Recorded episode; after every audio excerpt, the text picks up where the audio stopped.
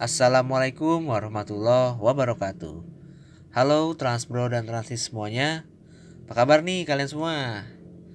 Semoga kalian yang berada di mana pun itu Baik itu di rumah ataupun lagi di jalan Ataupun lagi di rumah mantan Ataupun lagi di uh, di luar pokoknya lah ya. Uh, Kalian pada sehat selalu ya. Oke, dan juga jangan lupa nih transport dan transis selalu mem mematuhi protokol kesehatan. Karena apa? Nih COVID masih merajalela nih. Dan begitu ada varian baru loh, yaitu B117.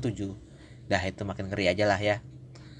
Oke, kembali lagi di episodenya Transport Podcast. Kali ini kita bakal bincang-bincang di episode uh, 63 ya. Kita bakal bincang soal sebuah kemajuan transportasi publik nih. Yaitu kemajuan transportasi publik di kota wisata nih. Nah, kayak apa aja sih uh, kemajuannya gitu? Ya, seperti yang kita tahu, Jogja sendiri udah bergeser nih dari kota pelajar jadi kota wisata. Nah, menurut gua sih nih ya, apa nih uh, wisatawan lokal maupun mancanegara di Jogja tuh setiap tahun makin bertambah nih kal. Betul Di situ, betul. Di Jogja sendiri juga mulai banyak ya apa nih uh, bermunculan spot-spot wisata. Nah uh, itu semua sih menurut gua harus barengin sama uh, perkembangan transportasi umum nih. Iya benar setuju gua. Menurut gua sih uh, transportasi di Jogja nih lengkap nih kal mulai dari yang tenaga rumput sampai tenaga listrik nih. Apa ya tuh? Apa ya tuh? Kalau tenaga rumput, rumput ya kita tahu sendiri nih ada delman. Iya. Nah selain itu ada tenaga nasi nih. Tenaga Asik. nasi, Tenaga sego. tenaga sego. itu beca yang digoes. Beca. Ya walaupun sekarang beca kebanyakan pakai tenaga motor sih ya. iya. Nah terus ada juga nih yang paling baru nih Lagi ngehits nih. listrik. Lagi Lagi ngehits. ngehits lah. Iya i. KRL komuter lain. Iya. ya ini sih yang apa nih yang paling baru ini KRL itu eh, gimana ya mulai Animonya terlihat tinggi. lah eh, perkembangan transportasi di eh, Joglo Iya Jogja khususnya Solo. Jogja Betul. Eh kalau transportasi yang lain kan gimana bi? kalau transportasi yang lain sih ya ya menurut gue sih kalau Trans Jogja tuh eh, emang terkenal sih ya katanya sih rutenya tuh muter-muter kal Hmm gitu ya. nah terus eh, nggak nggak punya jalur sendiri nih itu Iya. masalah juga tuh Iya. ya mungkin eh, ke depannya lagi eh, dikembangin sama pemprov apa gimana kita selanjutnya nanti tanya sama transport for Jogja aja Yoi siap. Kita nah dapat. terus menurut gue sih nih eh, bis-bis di Jogja sendiri bis Trans Jogja khususnya Heeh. itu kecil kal kecil Iya. jadinya nggak bisa angkut banyak ya itu juga masalah juga karena Benar. jalan di Jogja kan sempit juga Iya benar-benar. Nah gimana nih bi? Eh selanjutnya kalau soal Pramex juga udah mulai berganti nih kan sekarang jadi Kutex nih. jadi Kuto Arjo Express. Wah, kan pokoknya banyak banget lah ya mau kita bahas nih tentang Yogyakarta lagi nih ya, Bi ya. yo eh Oke, kali ini kita ada ini gak nih? eh, bintang tamu gak nih? Mau kita lanjutkan nih? Kita mau bawa nih. ada dong Ada siapa tuh Bi? Transport for Jogja Asik, siap siap. Oke nih, eh, oke transportasi mau tahu kelanjutannya? Oke, stay tune terus eh, di segmen selanjutnya eh, dari Transport Podcast.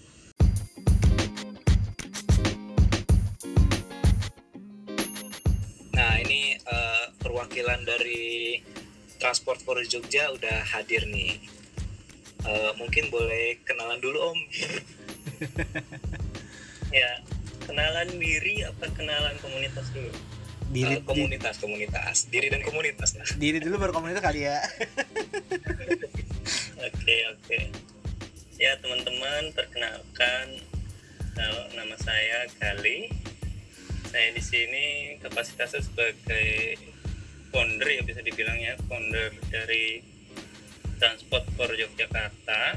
iya Jadi kalau kita mau perkenalan lebih lanjut tentang FTTY sebenarnya kita eh, lahirnya lahirnya itu dari dari ya kita kan sama-sama tahu ya FTTC ada FTTB, FTTS, FTTSM, ah. terus ada FTTY sama FTTSLO yang baru. betul betul Ya, jadi memang lahirnya tuh dari mereka-mereka itu. Khususnya kita gabung pertama itu pas ada webinar juga sih kalau nggak salah webinar dari Hmm. FTTC Mm-mm. situ ngumpul oh yang di itu webinarnya cerita orang dalam kayaknya. Oh iya iya iya iya. Ya aku ikut tuh aku ikut. Ikut ya? Transport ngikut ya peserta tapi. Ya jadi dulu kan itu ngumpul ya per FTT FTT itu. Terus Iya. saya bilang aja FTTY dong diadain. Ah. itu udah lama pengen bikin sebenarnya. Oh gitu. Nah terus? sebenarnya juga yang bedain FTTY sama FTT yang lain satu lahirnya dari lain dari FTT yang sebelumnya itu eh, kebanyakan anggotanya dari Mufid. Jadi kalau teman-teman tahu ada aplikasi Mufid nah itu kita para editor para editor di Mufid itu. Oh. Yang ini gabung di FTTY sini. Oh gitu awalnya. Nah terus kalau FDTY ini kegiatannya tuh udah sampai mana aja nih om? Eh, kan kemarin kalau nggak salah tuh di Instagram ya ada kayak ke Dishub nih ya kan?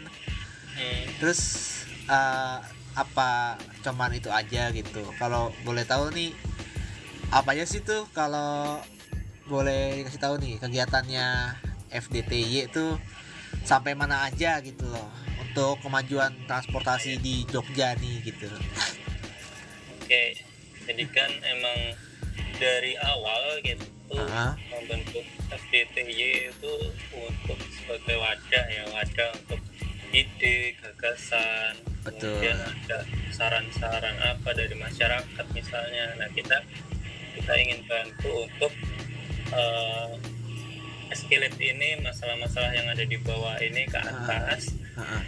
misalnya salah satunya ke dishub kemudian ke, ke provinsi pemerintah Ah. kota dulu kota kabupaten nah itu oh iya. kita sebenarnya mulainya dari situ nah jadi yang udah dilakukan Mm-mm. memang karena masih baru ya FTTY ini iya dari. Januari ya kalau nggak salah ya dia di Februari Februari. Februari. Ya betul saya malu pak tanggal pokoknya di awal tahun ini lah ya gitu. Iya iya Iya, betul. Ya, jadi tuh di di awal ini kita emang punya beberapa rencana ya. Yang pertama kan karena eh, info-info yang ada di Jogja tentang transportasi umum itu masih minim. Nah itulah yang kita jadikan concern utama. Iya. Nah masih minim gimana cara kita eh, ngatasinya? Satunya pertama kita launching eh, diagram inter- integrasi dulu petanya Iya. peta jaringan Trans Jogja itu nyebutnya diagram juga nih mas. Nyebutnya. Kenapa? nyebutnya diagram juga nih om. Nyebutnya Ah, diagram sebenarnya saya ikut-ikutan dari Semarang ya. Ah, ah. Semarang kan Ah. kitanya disebut diagram iya iya. Tapi kalau saya sih lebih mau diagram boleh lah mau peta boleh lah. Yang penting bentuknya itu aja. Iya. Kan biasanya kan kalau apa nih kawan-kawan FDT ini kan ngasih wayfinding gitu kan ya? Hmm, hmm, hmm. iya gitu kan. Berarti FDTY juga gitu dong ya ya mau sebutnya apa sih? Boleh silahkan sih. Gitu. Oke eh, aku lan- lanjut mau nanya nih. Kan Mhm. lagi istilahnya kalau orang Jakarta ngebutnya lagi ngehits gitu lah ya. Ngehit soal apa KRL Jogja Solo nih. Udah sebulanan Oke, oke. beroperasi kan. Nah tuh eh selama Om Galih ngepantau nih perkembangannya tuh sampai sekarang katanya masih rame aja nih. Em- emang bener ya? Ya ini nah awalnya pengen pengen ya maparin lah. Kalau Ah, misalnya ada teman-teman transpro transis yang iya. misalnya masih, masih awam sama KRL ya pengen saya jelasin dulu dikit ya. Oke nah seru nih. Nah, jadi emang ya KRL Jogja Solo ini jadi hits di masyarakat Jogja saat ini kenapa Ah, ya pertama karena ini KRL pertama di Jogja ya bukan di Jawa bukan bukan KRL pertama di tanah Jawa ya Iya, bukan. Oh, gitu. tanah Mataram mungkin ya kalau lebih tepatnya lah ya boleh. Mataram. Nah, tanah Mataram. Nah lanjut ya om lanjut om. Mancing ya, mancing ya.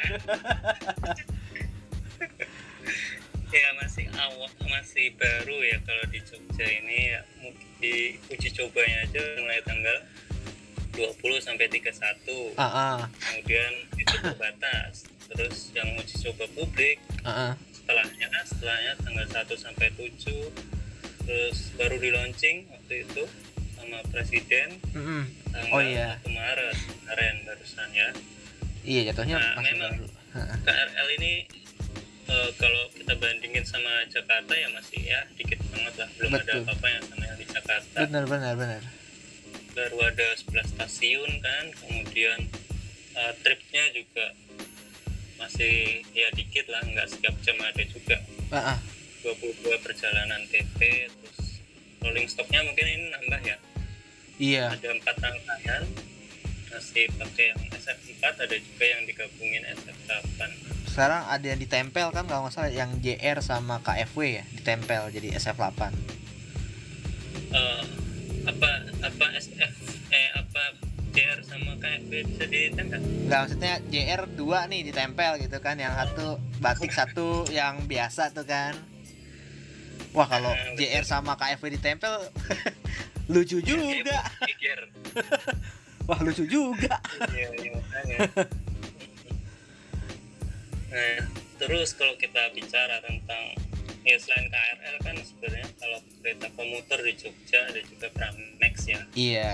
Nah, Pramex untuk saat ini masih melayani 5 stasiun. Mm-mm. kemudian tripnya ada 8 kemudian nah ini rolling stock saya masih kalau nggak salah ada cuma dua deh cuma dua cuman dua doang. Yang aktif yang aktif untuk perjalanan ya? Lalu sisanya tuh ke mana tuh om? Pada ditaruh di depo mana tuh? Kalau boleh tahu. Kalau Pramex ya? Kalau Ah, ah. Pramex saya kurang tahu sih ya eh, itunya di mana. Tapi kayaknya di Jogja juga deh. Oh nggak bukan di di Kota Arjo kalau oh ya. berarti di akhir sama sama akhir gitu ya? Hmm. Kalau nggak salah gitu.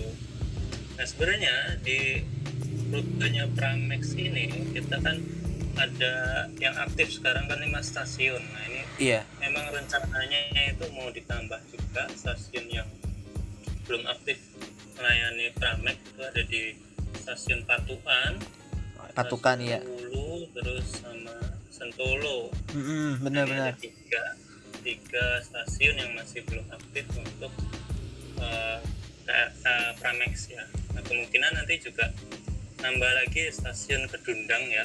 Jadi Kedundang itu kan stasiun percabangan buat Ke- KA bandara. Iya ke IA jadi kalau memang elektrifikasi kemungkinan ya Kedundang juga nanti bisa naik ke KRL di situ. Mm-mm. bener-bener apalagi patukan tuh eh nyebutnya patuan atau patukan sih yang bener orang Jawa ya patuan ya patuan oke kita ikutin aksen sana aja deh Oke mas, ini mau nanya nih kan tadi kan mas Iya. bilang soal misalnya sampai ke Dundang sendiri udah dielektrifikasi. Mhm. Eh, menurut mas sendiri, apakah ntar sampai YIA nih misalnya dielektrifikasi juga? Apakah ada rencana situ kira-kira? Memang kalau dari kita lihat desain desain tiang-tiang KA bandara, Mm-mm. kita lihat sendiri kalau di update-nya itu tiap tiap minggu pasti ada iya kan. iya misalnya tuh ada kayak slot Iya, benar-benar. untuk yang LAA nya ya jadi kemungkinan besar sih itu nanti juga dielektrifikasi sampai bandara YIA ya Gimana ya juga nih, aslinya tuh dari kota Jogja ke YIA itu berapa kilometer sih? Kalau misalnya eh, di Sucipto ya, saya udah pernah lewatin sebelumnya emang emang di daerah emang di dalam kota Jogja gitu. Kalau dari kota Jogja ke YIA itu berapa kilometer sih? Mas, saya agak, lupa nih. kilometer saya kok kurang itu ya kurang hafal tapi kalau dari kotanya Jogja ke YIA itu estimasinya kalau jalanan lancar tuh sekitar satu jam sejam sekitar Oh, satu jam itu kalau jalan lancar ya. Mm-mm. kira-kira kalau dikilometerin berarti ya pasti berapa ya? Sekitar lebih dari 20 20 kali ya. Iya. izin menjawab waktu itu ke Gelaga itu kan Gelaga deket Iya itu sekitar 26 kilometeran lah kira-kira itu. Situan lah. Dari Jogja kan ya? Iya. Iya dari Jogja dari kotanya. Ya berarti ya sekitar ya kan cuma sebelahan tuh Bagas sama Bandara iya iya ya lah ya. eh, gini nok. Eh, bener yang nggak dikatain sama Om Galih nih ya. Eh, coba deh eh, nonton di YouTube-nya tuh. Kalau gue biasanya ini di apa nama channel YouTube-nya Raya Konsul tuh. Waktu itu pernah ngasih ke FDTY juga nih Emang tuh kan di strukturnya tuh ya ada ada slot kosong tuh di samping-samping kayak bolongan. Nah itu kayak tuh LAA tuh udah udah yakin banget tuh bener-bener. Betul betul. Tapi nih Om ya. mungkin berarti misalnya sertifikasi BIA nih, apakah ntar ada namanya pocong cabang jok 6 kan? jangan dong jangan. Jangan dong nok. Ini bukan ngomongin kereta bandara Suta tergantung pocong apa enggak itu kan yang megang. Ini railing tahu KAI kalau KAI ya hijau jadi. Oh gitu ya. Jadi apa tuh gundurwo lagi. Jangan yang aneh-aneh lah. Oke kita mau lanjut lagi nih. Eh, semenjak Pramex tuh berubah jadi ngomongnya apa ya Kutex aja lah Kuto Arjo Express lah. Itu sama ramenya kayak dulu atau udah enggak tuh om btw masih ada nggak sih yang itu? Kita dari yang dulu kan ada tuh yang ah, dari Kuto Arjo ke Solo tuh. Masih ada nggak sih sekarang? Udah nggak ada ya? Sekarang kan dipotong ya jadi cuma sampai Jogja aja oh sampai semuanya. Jogja aja sekarang. Kalau dari lihat ya waktu itu kan sempat juga lihat. Mm-mm. saya sih di Jogja ya di stasiun Jogjanya lihat lihat arus penumpang yang turun dari Ramex ini yang Uh-uh. masih cukup banyak ya saya Hmm. kira masih ya kira-kira ya masih agak penuh ya tapi khususnya di jam-jam kan ini cuma ada 8 trip ya PP berarti satu perdana ada empat iya kemungkinan ya paling yang di pagi hari itu sama yang sore itu yang paling Mm, puncak mm, mm. banyak ya. oke masih sih masih diminati sama masyarakat Kutuarjo khususnya ya untuk. Mm, mm, Eh, terus nih berarti ya semua orang ya tetap animonya sama KRL dong ya. Kan masih baru Hmm. terus juga salah satunya bukan cuman pengen nyoba doang emang ada yang commuting di situ gitu gak sih? So, memang sehari harinya dia. Iya. Istilahnya ya dulu pakai Pramex sekarang pakai KRL ya sama-sama aja lah gitu. Yang penting naik apa ke, buat kerja gitu. Ya. tapi tapi mungkin yang beda dari KRL di Jogja mungkin lebih ke waktu itunya ya. Kalau di Jakarta kan mungkin week, weekday weekday Iya. itu malah puncak-puncaknya weekend malah enggak. Nah, kalau Kebalik. kebaliknya kayak. Iya.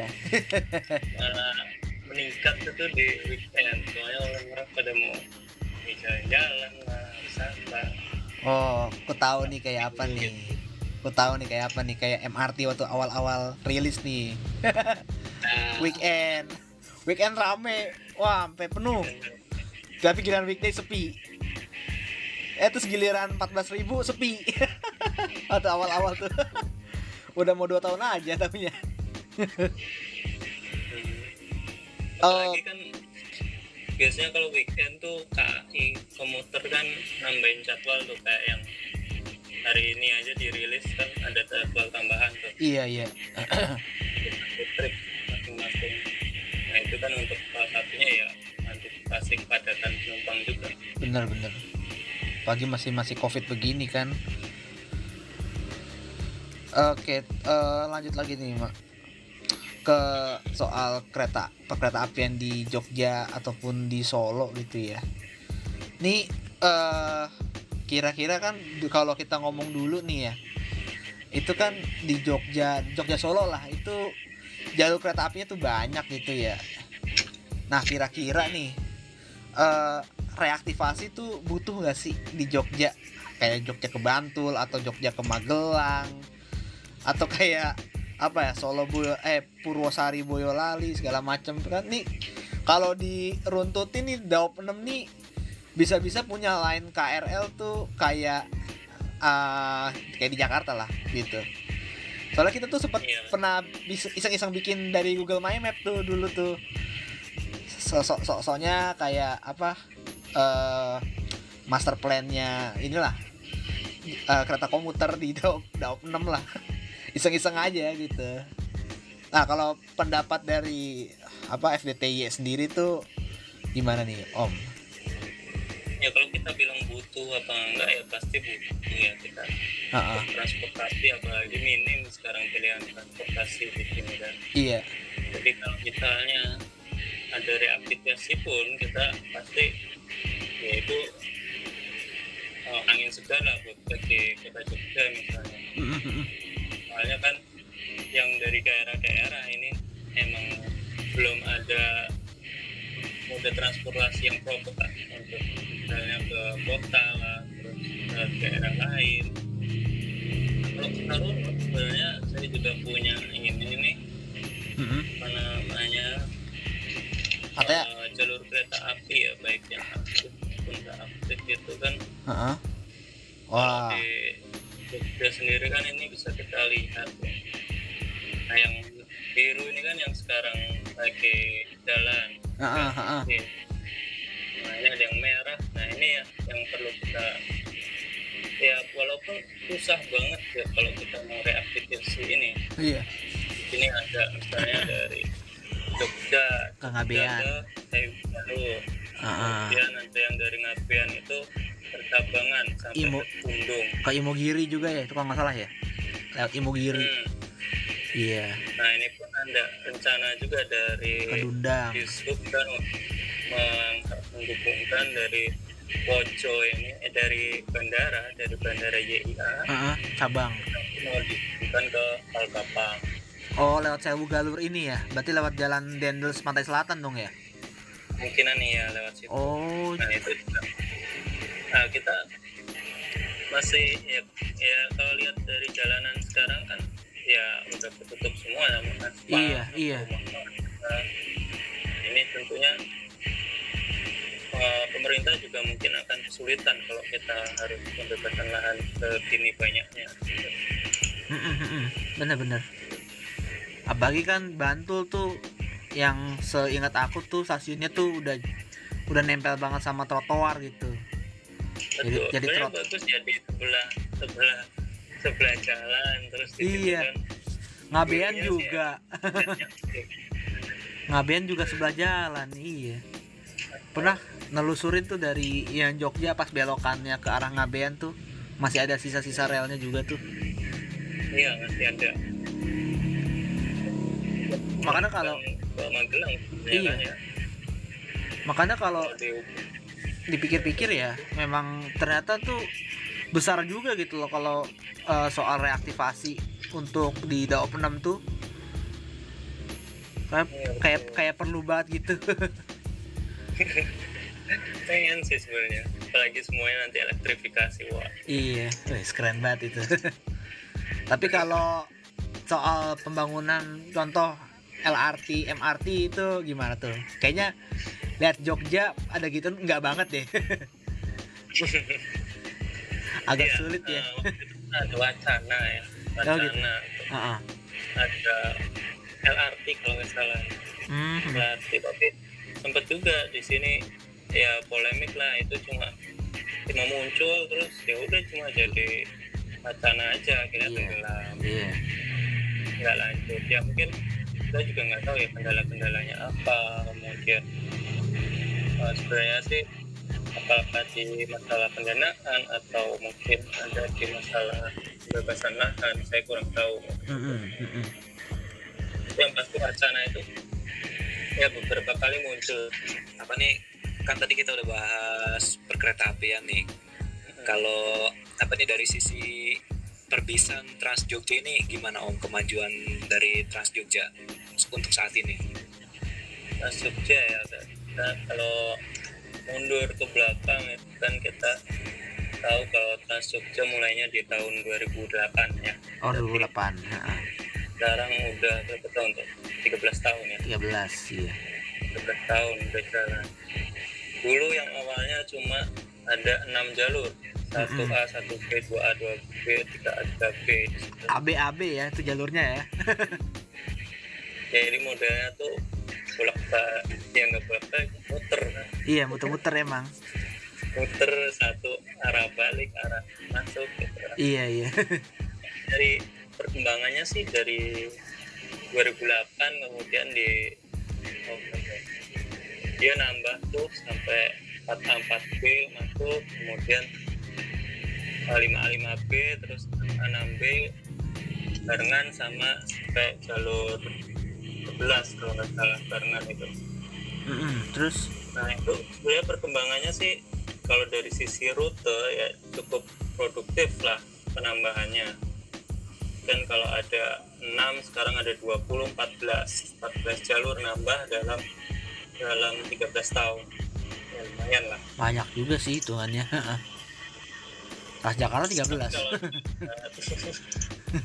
dilihat uh, kinerjanya, kinerjanya ini ya emang masih ya masyarakat masih meragukan Oh gitu. andalan andalan agar apa namanya Trans Jogja ini jadi andalan tuh belum bisa di itulah belum bisa diambil Nah, itu karena apanya itu Om karena headway-nya kah atau karena rutenya atau armadanya itu Om semuanya yang kamu sebut itu Headway-nya jarang-jarang gitu. Armadanya Iya. dikit Gitu. itulah. headway ya dari dari headway itu kan di Trans Jogja ada 128 armada yang jalan ya Iya. Nah itu di 128 terbagi di jadi ada ada 17 jalur. Di 128 bis itu ada 17 jalur.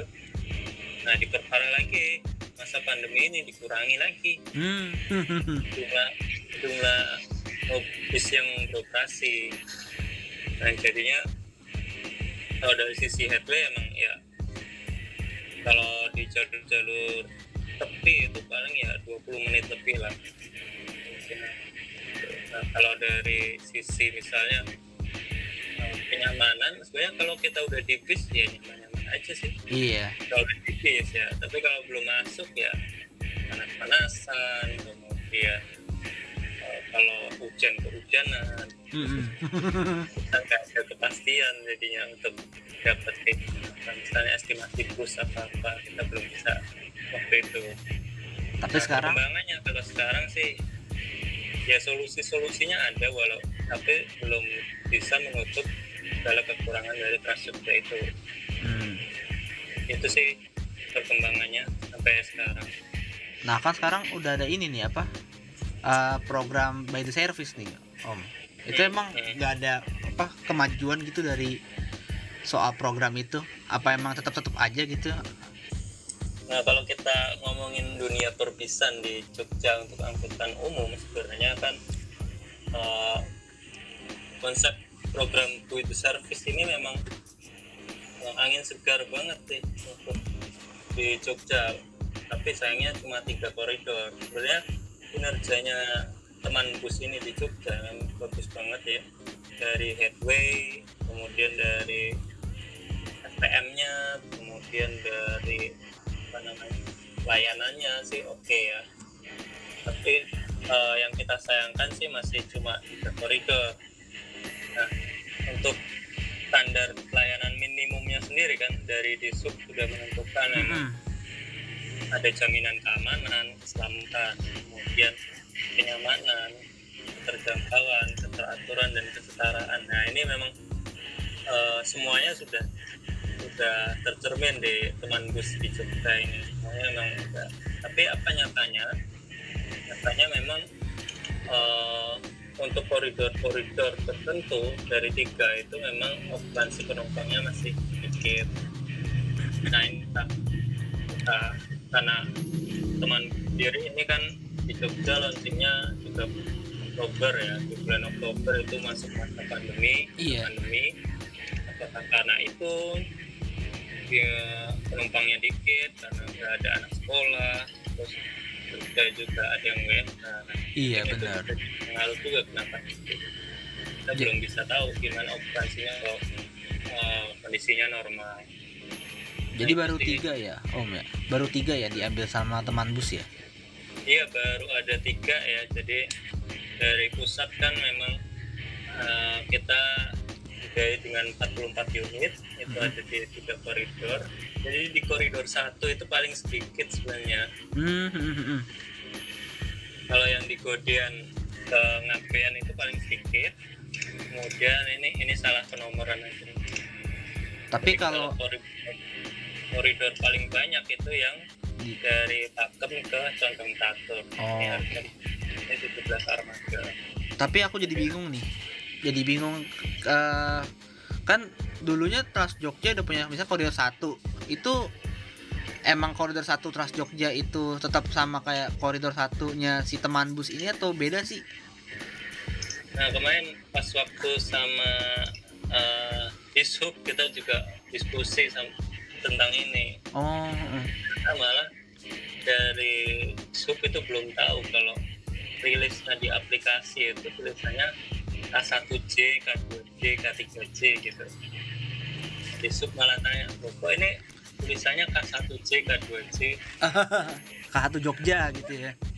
Eh, padahal mereka udah mengalokasikan tuh K1J misalnya untuk koridor 13 tapi ternyata di aplikasi masih eh, model K1, K2, K3 gitu. Eh, dari disub kalau kita lihat di sini koridor 1 itu adalah koridor 12 nya Transjogja kalau koridor 2 yang Mm-mm. teman bus itu koridor 13 nya Oh, jadi ketiga Gitu. koridor masuk itu emang ya ya ya mungkin komunikasinya ya.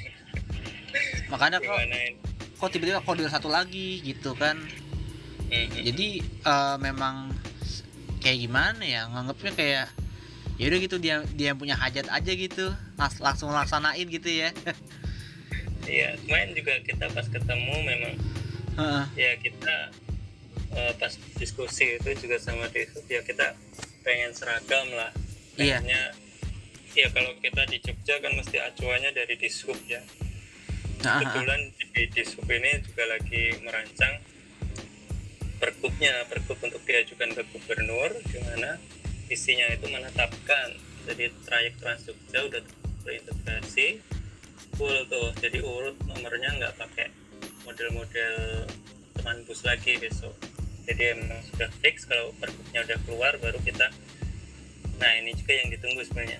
Kita mulai pasang eh, diagram itu peta integrasi itu di halte-halte jadi kita tuh belum pasang kenapa? Ya karena pergubnya belum keluar. Itu Pergub Hmm, untuk penentuan koridor dan penentuan rutenya itu. Hmm, hmm. ngerti ngerti itu sih kalau dari apa namanya Jogja kemudian. Nah ini mungkin sekalian aja ya. Ah, ah, ah. boleh tuh. Untuk kan feeder nih. Nah, kita ngacunya ini sebenarnya dari RIT ke mana-mana kita ngacunya ke rencana induk transportasi. Di Jogja. tahun ini masih masuk di skemanya 2017-2022 lima tahun awal. Itu master plan-nya gitu ya mak? Master plan-nya. Master plan 2017 lima tahun dulu. Hmm. waktunya 2022 terus ada lanjutannya 2022 sampai 27 2027 oke. Nah itu Nah, kayak gimana tuh? mereka udah ngasih rencana sebenarnya dari track-track feeder ini dan juga karena ini menyangkut kota dan kabupaten makanya itu jenisnya AKDP angkutan kota dalam provinsi. Iya iya. Skemanya kita pakai subsidi jadi modelnya beda sama yang AKDP yang sudah mati gitu sekarang jadi modelnya nanti subsidi kemudian trayeknya ada 13 trayek feeder jadinya eh, nggak cuman kota Jogja doang ya bet kan kalau dulu Trans Jogja tuh hanya sekitaran kota Jogja atau aglomerasinya kota Jogja gitu. Kayak misalnya daerah apa sih Celantong Catur terus apa Depok UGM Betul. terus Bantul ya. Bangun Tapan segala macam lah situlah sekitaran eh, sering route itulah pokoknya lah nah ini kalau sekarang nih feedernya ini udah sampai ke kabupaten-kabupaten sebelahnya gitu lah ya ibaratnya. Iya konsepnya memang kita eh, dari lima empat kabupaten lain itu harus ada feeder yang masuk ke kota. Jadi Heeh. memang dirancangnya kita emang dari daerah-daerah. Nah ini kita juga eh, kita kasih saya kalau ini sih kasih lokasi titik di mana eh, terminus potensial untuk feeder. Misalnya di, di, di Kabupaten Bantul sendiri ada tiga lokasi potensial ya. Kayak di Palbapang, Imogiri, Mm-mm, Karangtritis, mm-mm. kemudian Gunung Kidul ada di Terminal Daksinarga itu di Wonosarinya terus Semin. di Semit Sambi Pitu nah ini semuanya sebenarnya udah ada rancangannya feeder-feeder itu masuk ke daerah-daerah itu. Sesuai dengan RIT ya ya? Betul. Heeh. kita ke Wates juga. Nah, ini, nah kalau untuk dari eh, R apa namanya yang ada di RIT sebenarnya itu 13 13 13 feeder yang direncanakan. Mm-mm. tapi kalau kita lihat ini memang usul dari kami ya dari FDPY sendiri. Mm-mm. nah ini untuk uh, feedernya itu 13 tuh ada yang berimpitan sebenarnya. Dan trayeknya itu masih mungkin kalau untuk awal ini masih kepanjangan. Iya 88 kilo. Panjang banget itu. Ya. terminal Giwangan sampai terminal Wonosari itu. Coba kalau ya kita mengusulkan seperti ini sih ada tujuh feeder ya dan ini udah tersebar ke empat kabupaten semuanya tujuannya kita pusatkan di terminal nah nanti dari terminal kan di tiap kabupaten itu ada di Wonosari, Mukiri, Palbapang, Wates, Nambulan, Tempel, Mm-mm. Pakem. Nah ini Pakem sudah ada sebenarnya. Yang teman bus itu nah, kemungkinan besok mau dinaikin lagi tuh kalau dari feeder eh, trayek RIT 2017 itu sampai Kaliurang ah. itu itu rencana rencananya ya untuk feeder dengan opsi-opsinya kita juga melihat tetangga-tetangga kita ada di Semarang kemudian Di ada juga di Jakarta. Jakarta Banjarmasin Banjarmasin ya hmm, itu kan kita bisa lihat tuh angkutan-angkutannya ada feedernya tuh modelnya ya pakai elf gitu ya kan tuh kayak yang elf lah high S iya Nah memang tujuannya tuh enggak memang kapasitas banyak ya kalau kayak gini ya. Jadi lebih ke em, kalau model-model feeder sebenarnya headway-nya yang diutamakan. iya ya kalau kecil begini headway-nya harus lebih banyak nih harus lebih sering Iya betul.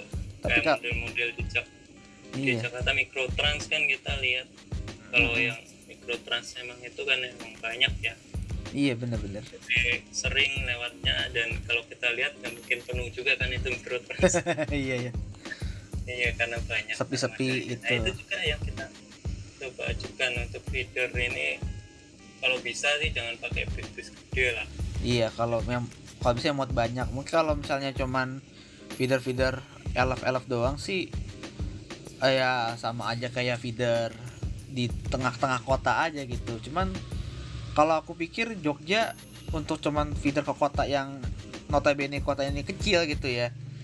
Baiknya sih kalau untuk jauh gitu. Karena kan juga jaringan kereta api juga baru segitu aja dan susah untuk direaktivasi. Tadi udah pernah bilang gitu kan. Nah betul. paling sih ya bus gede yang lewatin jalan-jalan jalan provinsi atau jalan nasional gitu ya kan. Lebih enak gitulah. Ya itu sebenarnya pengembangan ya. Jadi pengembangan eh, karena feeder ini kan angkutannya untuk pengumpan ya. Sebagai misalnya eh, kayak misalnya yang di Jalan Wates dekat rumah saya itu. Heeh.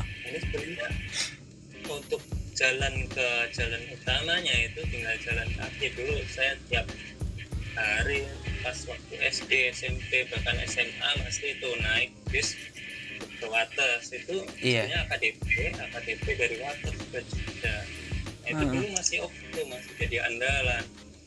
Jadi kita tinggal jalan kaki ke pinggir jalan terus Mm-mm. langsung ada bisnya cepat.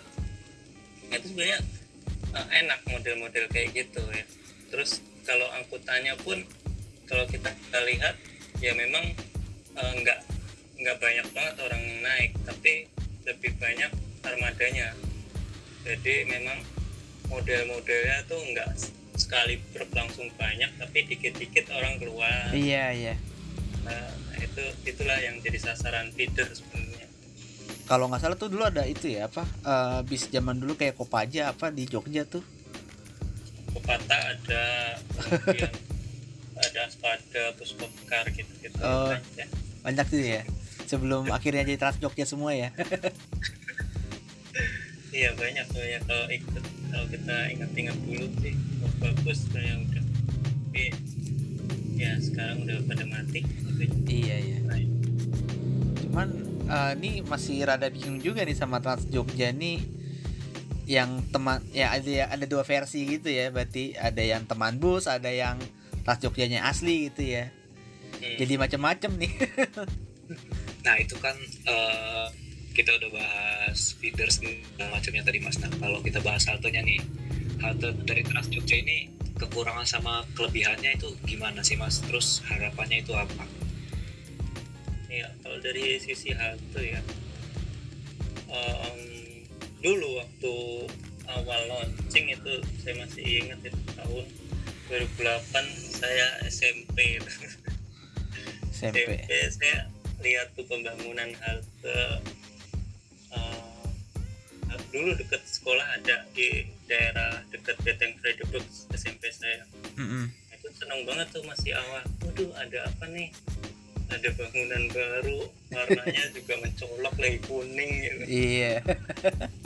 Nah dulu di dekat sekolah itu kan memang sekolahnya cukup bagus ya kalau daerah Jalan Senopati itu. Mm-mm. Nah, dulu pas dibangun halte itu, nah pemerintah juga mikirin jalur pedestriannya yang diambil. Jadi dia bikin jalur tambahan, jadi pelebaran pelebaran pedestrian di belakangnya halte. Ah, ah. Halte Trans Jogja itu, jadi dikasih jalan tuh belakangnya.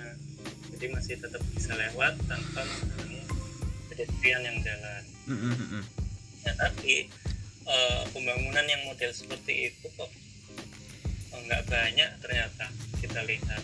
Kebanyakan model-model pembangunan haltenya itu langsung nempel aja ditaruh di trotoar tanpa mikirin eh, kelanjutan pedestrian melalui jalan itu. Oke. Jadi kalau pedestrian mau lewat, kita harus ke depannya. Jadi harus turun trotoar, Mm-mm. kemudian masuk ke jalan raya. Nah itu kayak dipaksain ya model-model Halte yang kayak gini nih yang kita juga satu sisi kita mau eh, apa namanya pedestriannya bagus tapi di sisi lain juga kan eh, di tempat itu potensial untuk dijadikan halte. Nah ini Hmm. memang ketersediaan lahannya eh, nggak banyak. Jadinya mungkin pemerintah juga susah ngasih solusinya. Tapi sebenarnya model-model halte seperti bus stop itu eh, menurut saya ya lebih efektif lah.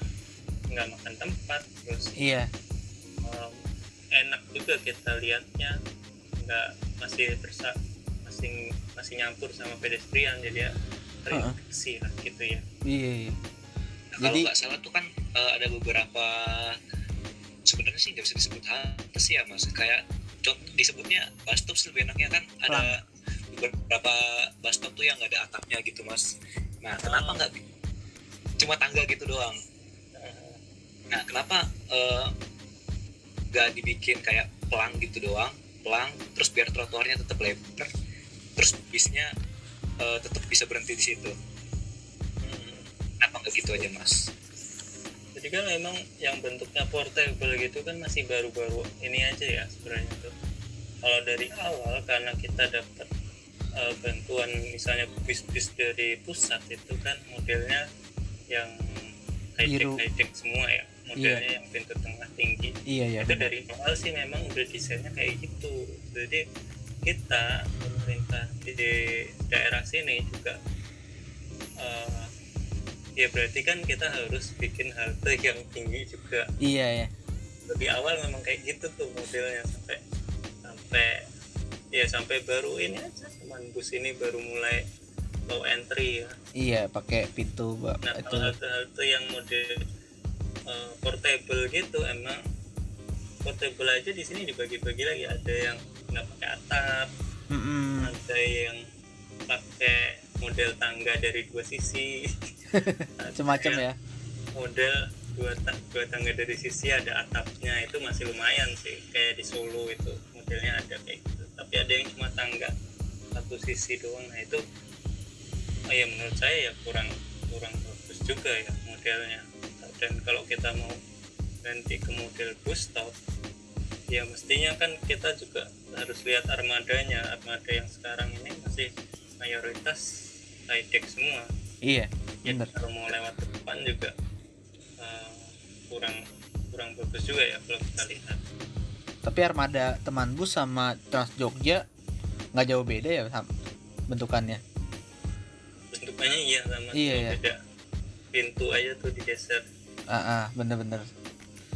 Tapi kalau di Jakarta sendiri walaupun hmm, apa nih bisnya high tech contohnya kayak mini trans itu tuh dari low deck juga itu dari bus stop iya diakalin malah kalau yang mini nas kan ada dua pintu ya yang di tengah itu yang Iya. iya sisi kanan. Depan koridor belakang. Depan belakang yang itu yang low deck eh, yang itu. Nah Bah. itu kalau kayak gitu sih ya alternatif sebenarnya kalau mau ada permajaan ke depannya kita bisa pakai model yang eh, double double tipe kayak gitu Ada yang di BRT sudah Mhm. lewat high tech kemudian ada juga yang entry nah sebenarnya high tech ini juga ada bagusnya ya Mm-mm. khususnya untuk yang penyandang disabilitas walaupun masih ya ada pro sama kontranya sih. Kalau kita lihat dari aksesnya misalnya kursi roda kursi roda yang udah masuk di halte. Ya. iya. Udah masuk di halte kalau kita eh, masuknya lewat high tech itu kan lebih enak ya. Lebih tinggal lurus doang. Pas Gak usah kayak yang model low deck. Berarti kan dia harus ada rem untuk naiknya. Iya. Itu kan sebenarnya lebih bagus kalau yang high tech tapi kan kita lihat juga kalau yang sekarang model low deck low tech itu kan memang eh, kita harus menyediakan yang fasilitas tambahannya Mm-mm. jadi ya semuanya ada plus minusnya sih kalau dari bentukan halte Oke, berarti eh apa ya? Kalau dibilang kalau soal inventaris halte, kalau disesuaikan dengan standarisasi juga agak agak sulit ya, berarti ya. itu Tapi- susah ya Ma- pengennya sih distandarisasi gitu ya. ya masa depan mungkin kayak teman bus sih Iya. soalnya kan sekarang udah eh, apa namanya pemerintah juga udah pengadaannya yang model low entry kayak gitu ya mungkin Uh-uh. ke depannya juga kalau ada bantuan bus hibah-hibah gitu kan eh, kemungkinan ya model-model yang sama kayak teman bus Iya, bener. Bisa jadi kayak gitu sih. Oke, mungkin kita lanjut lagi nih. Eh, mungkin dari Mas Raffi ada pertanyaan nih. Monggo Mas Raffi. Ini lagi di Jogja juga nih, Mas. Si Mas Raffi. ini di mana Mas Raffi Mas Raffi di mana tinggalnya? saya asli asal Jakarta kebetulan ada kuliah di Jogja kuliah lapangan jadi balik ke Jogja asli Jogja ya mas ya berarti oh asli dia mah asli banget dia mah Iya. Monggo. ya ini saya penasaran nih mas. Eh, kalau di Jogja untuk halte transit busnya itu gimana ya mas? Kayak ada integrasinya gitu kayak mas ada keintegrasi di situ apa gitu? Oke. Kalau di Jogja ada gitu? Atau mungkin Emani atau apa gitu mungkin mungkin apa namanya? Kartu langganan tuh ada yang mereka keluarkan. Jadi ada dua tipe ada yang reguler ada yang pelajar. Jadi kalau pelajar itu cuma 1800 kalau yang reguler itu 2700 nah selain itu kita juga bisa mode pembayarannya itu pakai kayak misal e-money tadi udah disebut terus ada tap cash, Krisi, kemudian ada flash BCA, terus Hmm. yang baru lagi kan sekarang bisa juga pakai GoPay sama Ping aja. Nah, itu semuanya sih bisa. Dan beberapa tahun ke belakang sih ini mulai mulai ada perubahan cara pembayaran di Trans Jogja sebenarnya. Dari yang dulu kita eh, modelnya tuh em, Pramudi eh Pramudi apa namanya? PLB kalau PL kalau di Trans Jogja apa namanya? Ya PLB juga. PLB PLB masa kenaik. Belum belum megang alat pembayaran. Hmm. jadi semua pembayaran itu lakukan di halte. Tapi setelah eh, PLB yang sekarang dibekali sama alat pembayaran jadi tiap kita masuk bus setiap itu ada PLB nya kita pasti bisa bayar di dalam bus. Itu sih enaknya sekarang. Jadi walaupun kita naik di eh, misalnya portable di halte yang nggak ada tutupnya itu kita bisa bayar di dalam bis. Itu modelnya sih seperti itu kalau pembayarannya. Ada diskon nggak sih kalau misalnya bayar pakai cash sama, sama bayar pakai kartu elektronik gitu ada mas. Jadi kalau eh, model cash biasa kan kita dipungut 3.500 oh kayak Transjakarta. Kalau ya kalau kita pakai kartu kita dapat diskon tuh 2.700 jadinya. Hmm, Bayarnya. gitu. lumayan juga dong. Iya. Tapi orang-orang banyak kan sekarang tuh pakai kartu apa pakai cash tetap kalau yang saya lihat sih yang misalnya kayak mahasiswa terus ada ya masih masih muda gitu ya bilangnya. Itu sih lebih prefer pakai kartu ya kalau saya lihat ya. Iya. Tapi kalau misalnya kan pengguna Trans Jogja banyak juga yang simbah-simbah pasar kemudian ada yang belanja atau ibu-ibu bapak-bapak gitu kan. Iya. Dia masih pakainya cash sih. Jadi Oh. memang modelnya sih ya semuanya bisa pakai lah mau cash juga bisa mau non tunai juga bisa oh baru, baru, baru tahu nah ka- kalau tapi sekarang tuh masih pakai apa kalau dulu kan di Transjakarta tuh pakai edisi tuh di tapin gitu.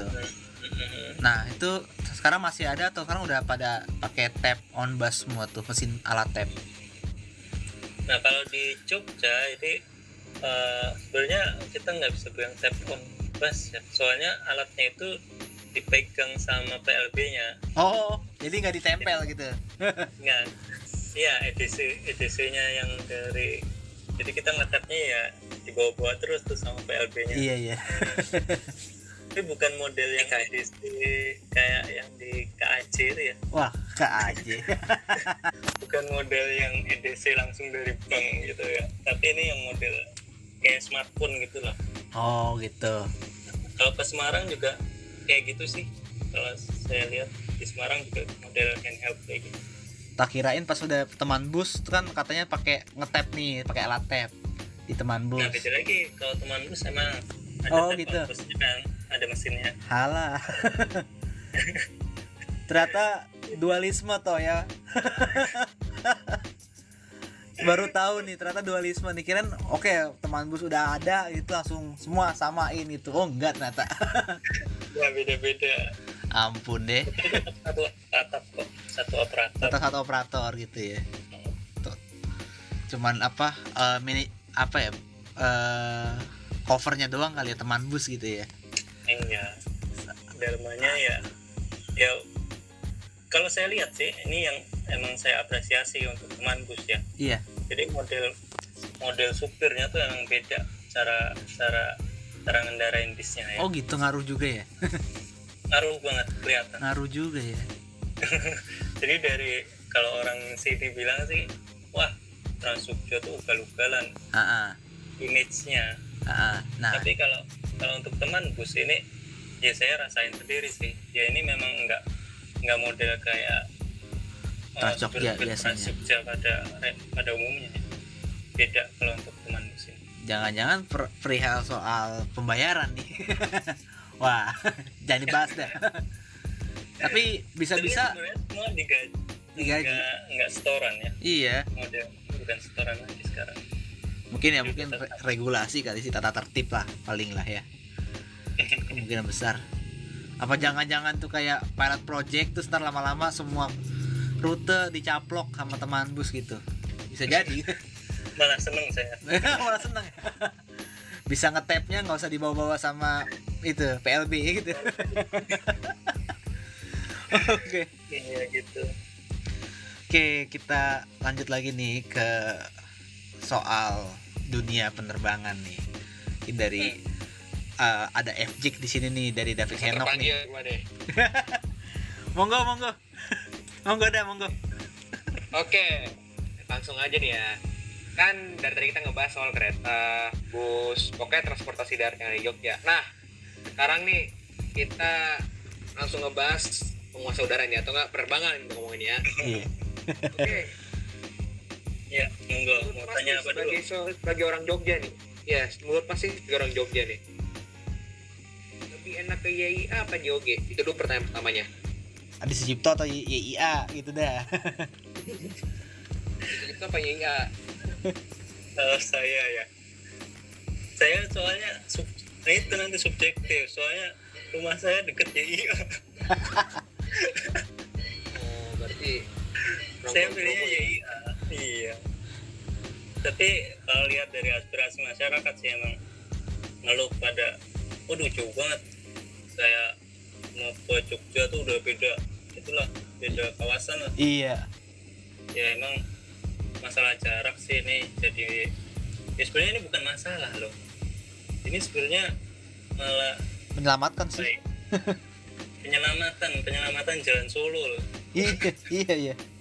jalan Solo tuh udah ya ampun dulu pas ada bandara coba lihat sekarang Sepi. beda banget modelnya. Dulu jadi ini di sisi lain ada satu penyelamatan ada sisi yang ya masyarakat ya toh nantinya juga eh, ada solusinya kok. Naik eh, kereta bandara. Ah, ah, ah, lagi dikebut Ya, nih. ya kalau saya lihat sih kereta bandara masih jadi andalan untuk YIA besok kalau udah Ah, ah. jadi pasti itu. Nah, lanjut. lanjut. nih mas. Di teman-teman di FDT sendiri adakah gitu yang basicnya seorang FG atau Aviation gitu? Kan selama ini kalau misalnya kita bicara FDT FDT yang lainnya nih mau FDT FDTJ FT F, apa. Bandung dan sebagainya. Pasti ngomongnya pasti ngomongannya ya transportasi perkotaan bus metro mobility kereta segala macamnya ini untuk di FDT sendiri ada gak sih yang misalkan khusus untuk penerbangan gitu untuk dunia aviasi gitu ada gak mas? Lo mau daftar nok? kan jawabannya I'm sorry to reg- regional halim. Ya mohon maaf banget Gua regional halim saat ini kal sih saat ini sih FDT belum ada ya orang yang khusus ya, itunya ya. Mungkin kayak Mas David ini belum ada nih di FDT kalau mau gabung mungkin deh boleh Tuh, gabung tuh sana. Ke Jogja terus deh. Maaf mas. Saya Bekasi mas. Mulai di Kerawang.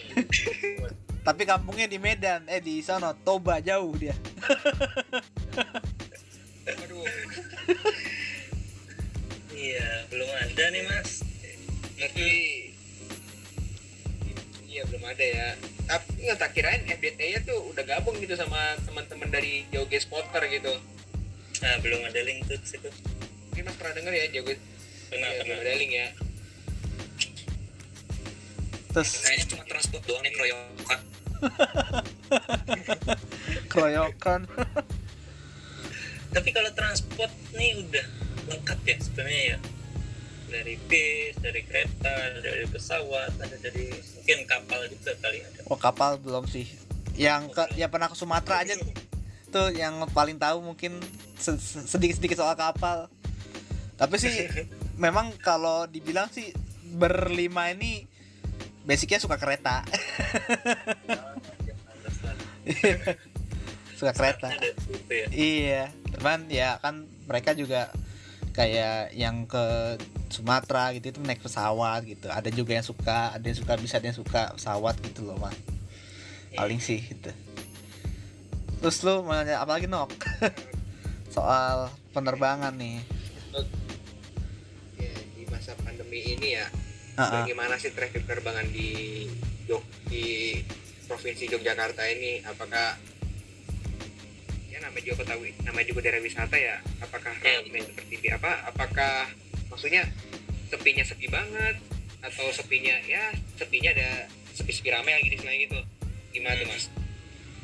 Ya eh, mungkin saya ke belakang lagi ya ke beberapa bulan ke belakang ya. Iya, iya. jadi eh, sebelum masa pandemi nih ya. Sebelum masa pandemi emang kan YIA udah mulai beroperasi ya. Mm-mm. mulai beroperasi ada yang terbatas kemudian soft launching itu. Ya memang kalau kita lihat trennya itu di masa pandemi itu turun. Nah saya kenapa bisa tahu? Saya juga lihat yang di statistiknya flight radar itu. Mm-mm, mm-mm. nah jadi kan di situ ada yang saya kasih nah jadi di radar kan ada yang mesti buat kita lihat statistiknya ya. Iya. kayak model begini. Nah di situ waktu itu saya terus pantau tuh dari yang mungkin setahun yang lalu ya hampir setahun ya. Jadi sebelum pandemi memang jumlah perjalanan di YIA itu dulu sih belum sebanyak ini ya masih sekitar 40 lah maksimal. Mm, mm, mm, mm. 40 penerbangan pada waktu itu. Terus pas masa pandemi itu sempat di sini beberapa hari itu nol. Waduh. Awal pandemi. sama sekali. Di YIA ya pas waktu itu udah eh, operasi operasi mulai operasi. Mul- eh, COG mulai udah ditinggalkan. Iya. itu udah mulai nol tuh beberapa hari. Terus paling kalau ada pun satu dua gitu. Terus besoknya nol lagi gitu nah kalau dari yang sekarang sebenarnya mulai dari tahun lalu yang di bulan apa ya? Oktober apa September? Nah, yang ada di bulan apa itu? Nah itu udah mulai naik tuh ke trennya.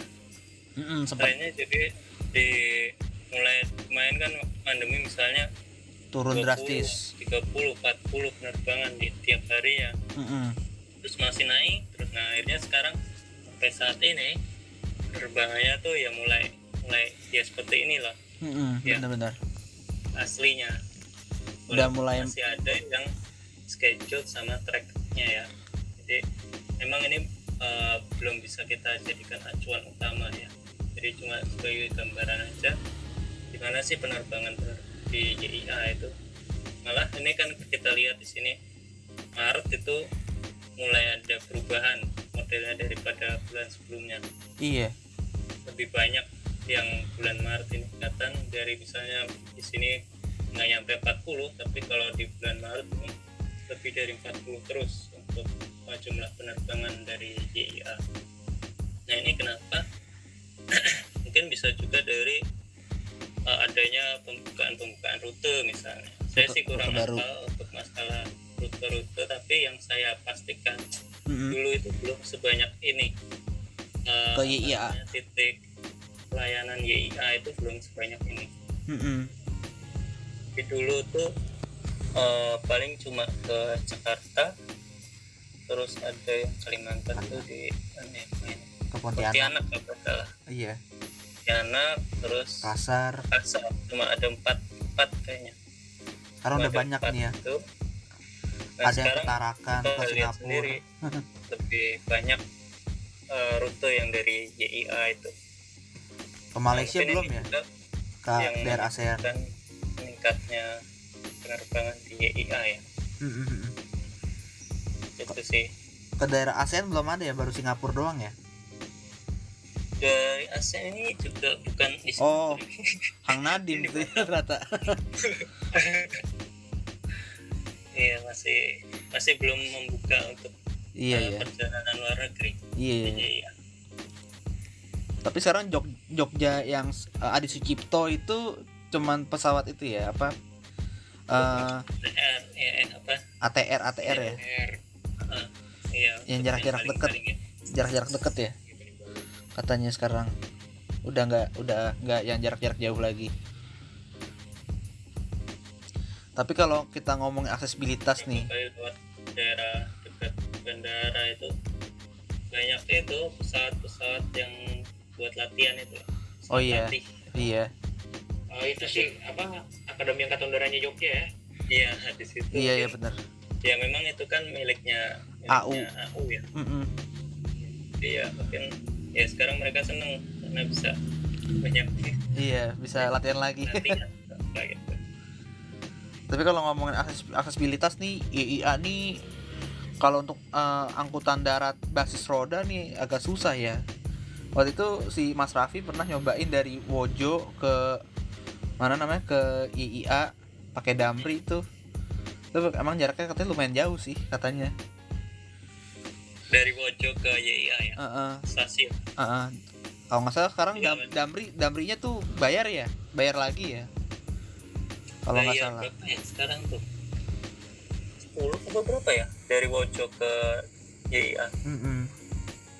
gitu. Tapi sayang banget sih Wojo ada efisiensi ya ke YIA nggak tahu tuh kalau sebenarnya uh, trayek utamanya nggak ke YIA sebenarnya dia kan misalnya ke Cilacap. Cilacap ya Cilacap. Nah, Iya. terus yang sekarang itu dia hampirin ke YIA dulu dikasih tengah-tengahnya tuh. Misalnya Jogja Cilacap nih sekarang Jogja YIA Cilacap. Cie. ada transitannya ada ampirannya. Sekarang lebih banyak yang kayak gitu kalau efisiensi terus ada satu lain kayak gitu. Berarti ada kayak itu dong terminal kecil lah di situ ya di YIA iya uh, nurunin angkut gitu. Cuman kalau naik taksi juga itu banget sih apa tekor juga sih duitnya makanya jauh ya. Heeh, ke Jogjanya jauh. Sewa gitu. Mungkin ya memang akses aksesibilitas paling paling yang bakal bisa diandelin sih nanti ya kata bandara ini. Yang jadi iya. Ha- makanya eh, benar-benar di apa ya di proyeknya cepet banget nih. Udah tiba-tiba jembatan yang mau dipasang lah. Tiba-tiba udah lah udah jadi segini aja cepet banget. Cuma sayang nih. lagi nanti setelah Menhub tadi kan Menhub survei juga ya ke jalur YIA mungkin ada percepatan lagi. Iya. Terus kemarin juga Antonov ya sempet rame tuh. Antonov main ke YIA Antonov landing. Iya. YIA momen langka banget Iya. tuh. Emang sih ya masih jarang kan ya kalau yang landing di Indonesia ya? Iya sendiri sih setahu CGK saya- pernah sekali. Apa sih emang tiga bandara sih yang yang ngeliat saya. Terakhir kan YIA terus sempat di Kuala Namu juga sempat di- juga di Soekarno Hatta ya. Iya. Hmm. sekarang sekarang YIA ada tiga aja tiga ampiran. Itu sih sebenarnya Antonov itu belum belum muahnya gitu. Iya. itu bakal wah gitu justru menurut gue ya menurut, menurut saya ya. Menurut saya itu bakal bakal wah itu kalau misalnya 380 buka rute Indonesia waduh. Waduh waduh waduh. A380 Emirates lagi. Iya karena tapi kan beberapa maskapai kan A380 udah pensiun. Itu 747 juga ada. Thailand cuma satu makanya. Cuman emang yang terakhir kabar denger ya dari master apa dari sesepuh dunia penerbangan di dunia ini Ini udah ngomong sih Samcui. Satu maskapai itu bakal pertahanin itu eh, Emirat sama Singapura menurut dia katanya yang bakal A380. 80 ini Oh, oke. Oke, kita eh ngomongnya asik juga nih. Tiba-tiba jadi bahas pesawat dari tadi kereta nih. Udah beragam banget nih. Mungkin muda sekarang. iya nih. Emang kita kan transportasi publik kan nggak cuman darat doang gitu. Iya betul. Tapi kalau perkapalan di Jogja emang ada ya? Oh, jangan salah ini. Ah, ini penasaran nih. Ada rencana ya. Ada Ya, rencana. kita- kemarin baru baru keluar beritanya juga ada percepatan untuk eh, sebenarnya sih bukan untuk angkutan penumpang ya mungkin lebih ke barang ya. Oh, barang. Jadi itu ada apa pelabuhan Tanjung pelabuhan Tanjung Adikato. Oh, di mana Nah, tuh? itu- Nggak tahu tuh. Itu lagi di Kulon Progo juga sih. Oh, Kulon Progo. Hmm. Nah itu lagi di proses percepatan tuh. Soalnya kan beberapa tahun mangkrak. Hmm, oh, Nah, gitu. Nah ini mungkin kemungkinan tadi juga Menhub survei ke jalur YIA sekalian ke situ deh kayaknya. Wah, jangan-jangan daerah Kulon Progo deket YIA bakal dikembangin nih jadi pusat logistik nih. Jadi modelnya kan emang aerotropolis ya model-model. Iya.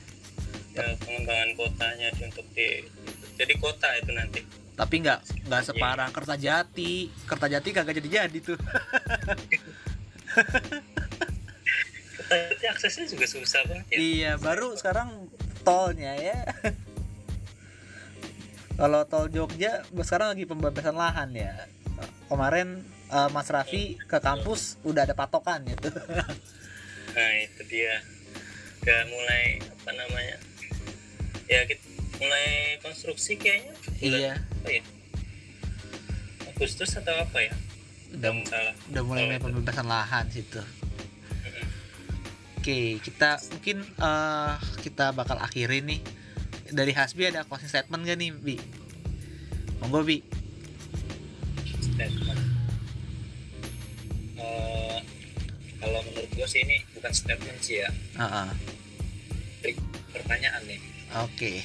kan set masyarakat Jogja tuh sekarang tuh transportasi umum di Jogja tuh masih jepet gitu masih bikin pusing lah terus headway-nya jarang ribet Iya. rutenya muter nah ini eh, gimana sih terus mungkin nggak sih ke depannya masyarakat Jogja tuh Maka- masyarakat Jakarta yang udah mulai ngandelin banget transportasi umum gitu Bakal kayak Jakarta gitulah ya. Ngandelin transportasi Iya. umum lah ya. apa Tapi kan ada juga tradisionalnya nih. nah kalau tradisional sih emang hilangin sih ya Iya, tapi kayak Jakarta masih ada baja iya. Jogja masih ada beca Tapi beca jadi motor. sih ya. Tapi beca jadi motor. Gimana ya bukan transportasi lagi sekarang Iya. Oke, Iya, iya. itu mana itu harapannya tuh. Jadi Om.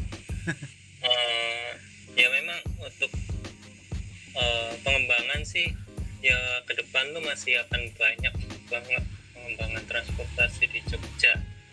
Jadi modelnya kan kalau kita ya mulai dari yang awal sih dari perencanaan ya. entah itu perencanaan nanti jadi wacana atau apa tapi kan itu sempat sudah ada yang memperhatikan artinya gitu. Nah, gimana nanti model masyarakat apakah bisa mengandalkan transportasi umum seperti yang di Jakarta itu kan sebenarnya ya kalau nggak ada yang mau mulai juga ya gini-gini aja nantinya. Iya, iya. Nah makanya kita eh sebenarnya pemangku kebijakan lah yang punya gimana apakah ini akan jalan atau enggak. Mm-mm. Nah, di sini dalam hal ini kan di sub ya yang memangku kebijakan itu dari di sub sebenarnya udah ada RIT tapi sampai tahun ini aja udah hampir setengahnya eh, belum belum sesuai dengan apa yang direncanakan. Iya. Tapi kalau kita kasih komennya pesimis sih kayaknya ya agak kurang pas juga. Kita kan mestinya apa yang di udah disebutkan oleh disub itu emang ada perencanaannya tapi mungkin mundur. Nah itulah. Eh, potensi sih pasti ada. Potensi seperti di Jakarta apalagi eh, gencar-gencarnya. Ini dengan adanya bandara baru ini model-model pengembangan transportasi pasti akan terus berlanjut. Betul. Dari Jogja ke YIA terus dari nanti jadi YIA ini sebagai pusatnya untuk uh, pengembangan transportasi. Dari dari YIA kemudian ada jalur rel ke Palbapang nah, itu Mm-mm. kan suatu model yang bukan tidak mungkin tapi mungkin karena jalur-jalur selatan itu kan masih belum sepadat kayak yang di tengah kota ya. iya benar. Masih Nah, banyak jadi perlu digali. masih bisa diandalkan apa enggak ya saya sih masih optimis itu bisa. Apalagi dengan penambahan moda transportasi lain kemudian perbaikan kualitas pelayanan. Mm-mm. itu nanti. Ya kita coba. Makanya dengan ada FGTY ini kita juga pengen ya kita tuh sebagai penghubung gitu loh. Ke dishub juga kemudian ke pusat studi dari UGM kita relasi. Mm-mm. dan ada juga dari komunitas-komunitas lain kita memang tujuannya yaitu jadi masa kita punya tujuan kayak gitu nggak optimis? Iya benar benar. Gitu ya itu sih dari saya Oke, oke makasih banyak nih eh, Om Galih nih atas pemaparannya yang bagus banget nih. Kita tadi ngobrol eh ada yang serius ada yang ngalor ngidul ya dari kereta sampai pesawat sampai kapal juga gitu. Makasih banyak nih udah dijelasin apa aja tentang transportasi di Yogyakarta nih semua nih di kota istimewa ini. Oke, eh, terima kasih nih eh, kepada Om Galih dari FDTY. Eh, semoga yang mendengarkan podcast kami ini bersama FDTY ini ada manfaatnya juga gitu lah ya. Oke, ya terima kasih juga untuk transport yang udah ngundang Iya. ITY eh, jadi kita bisa sharing bisa berkenalan iya benar. bisa apa ya ya ngasih tahu ke masyarakat juga deh tentang apa sih potensi-potensi yang ada di Jogja betul, betul. gitu. terima Pak. kasih semuanya juga Iya. Oke, kita akhiri perjumpaan kita. Assalamualaikum warahmatullahi wabarakatuh.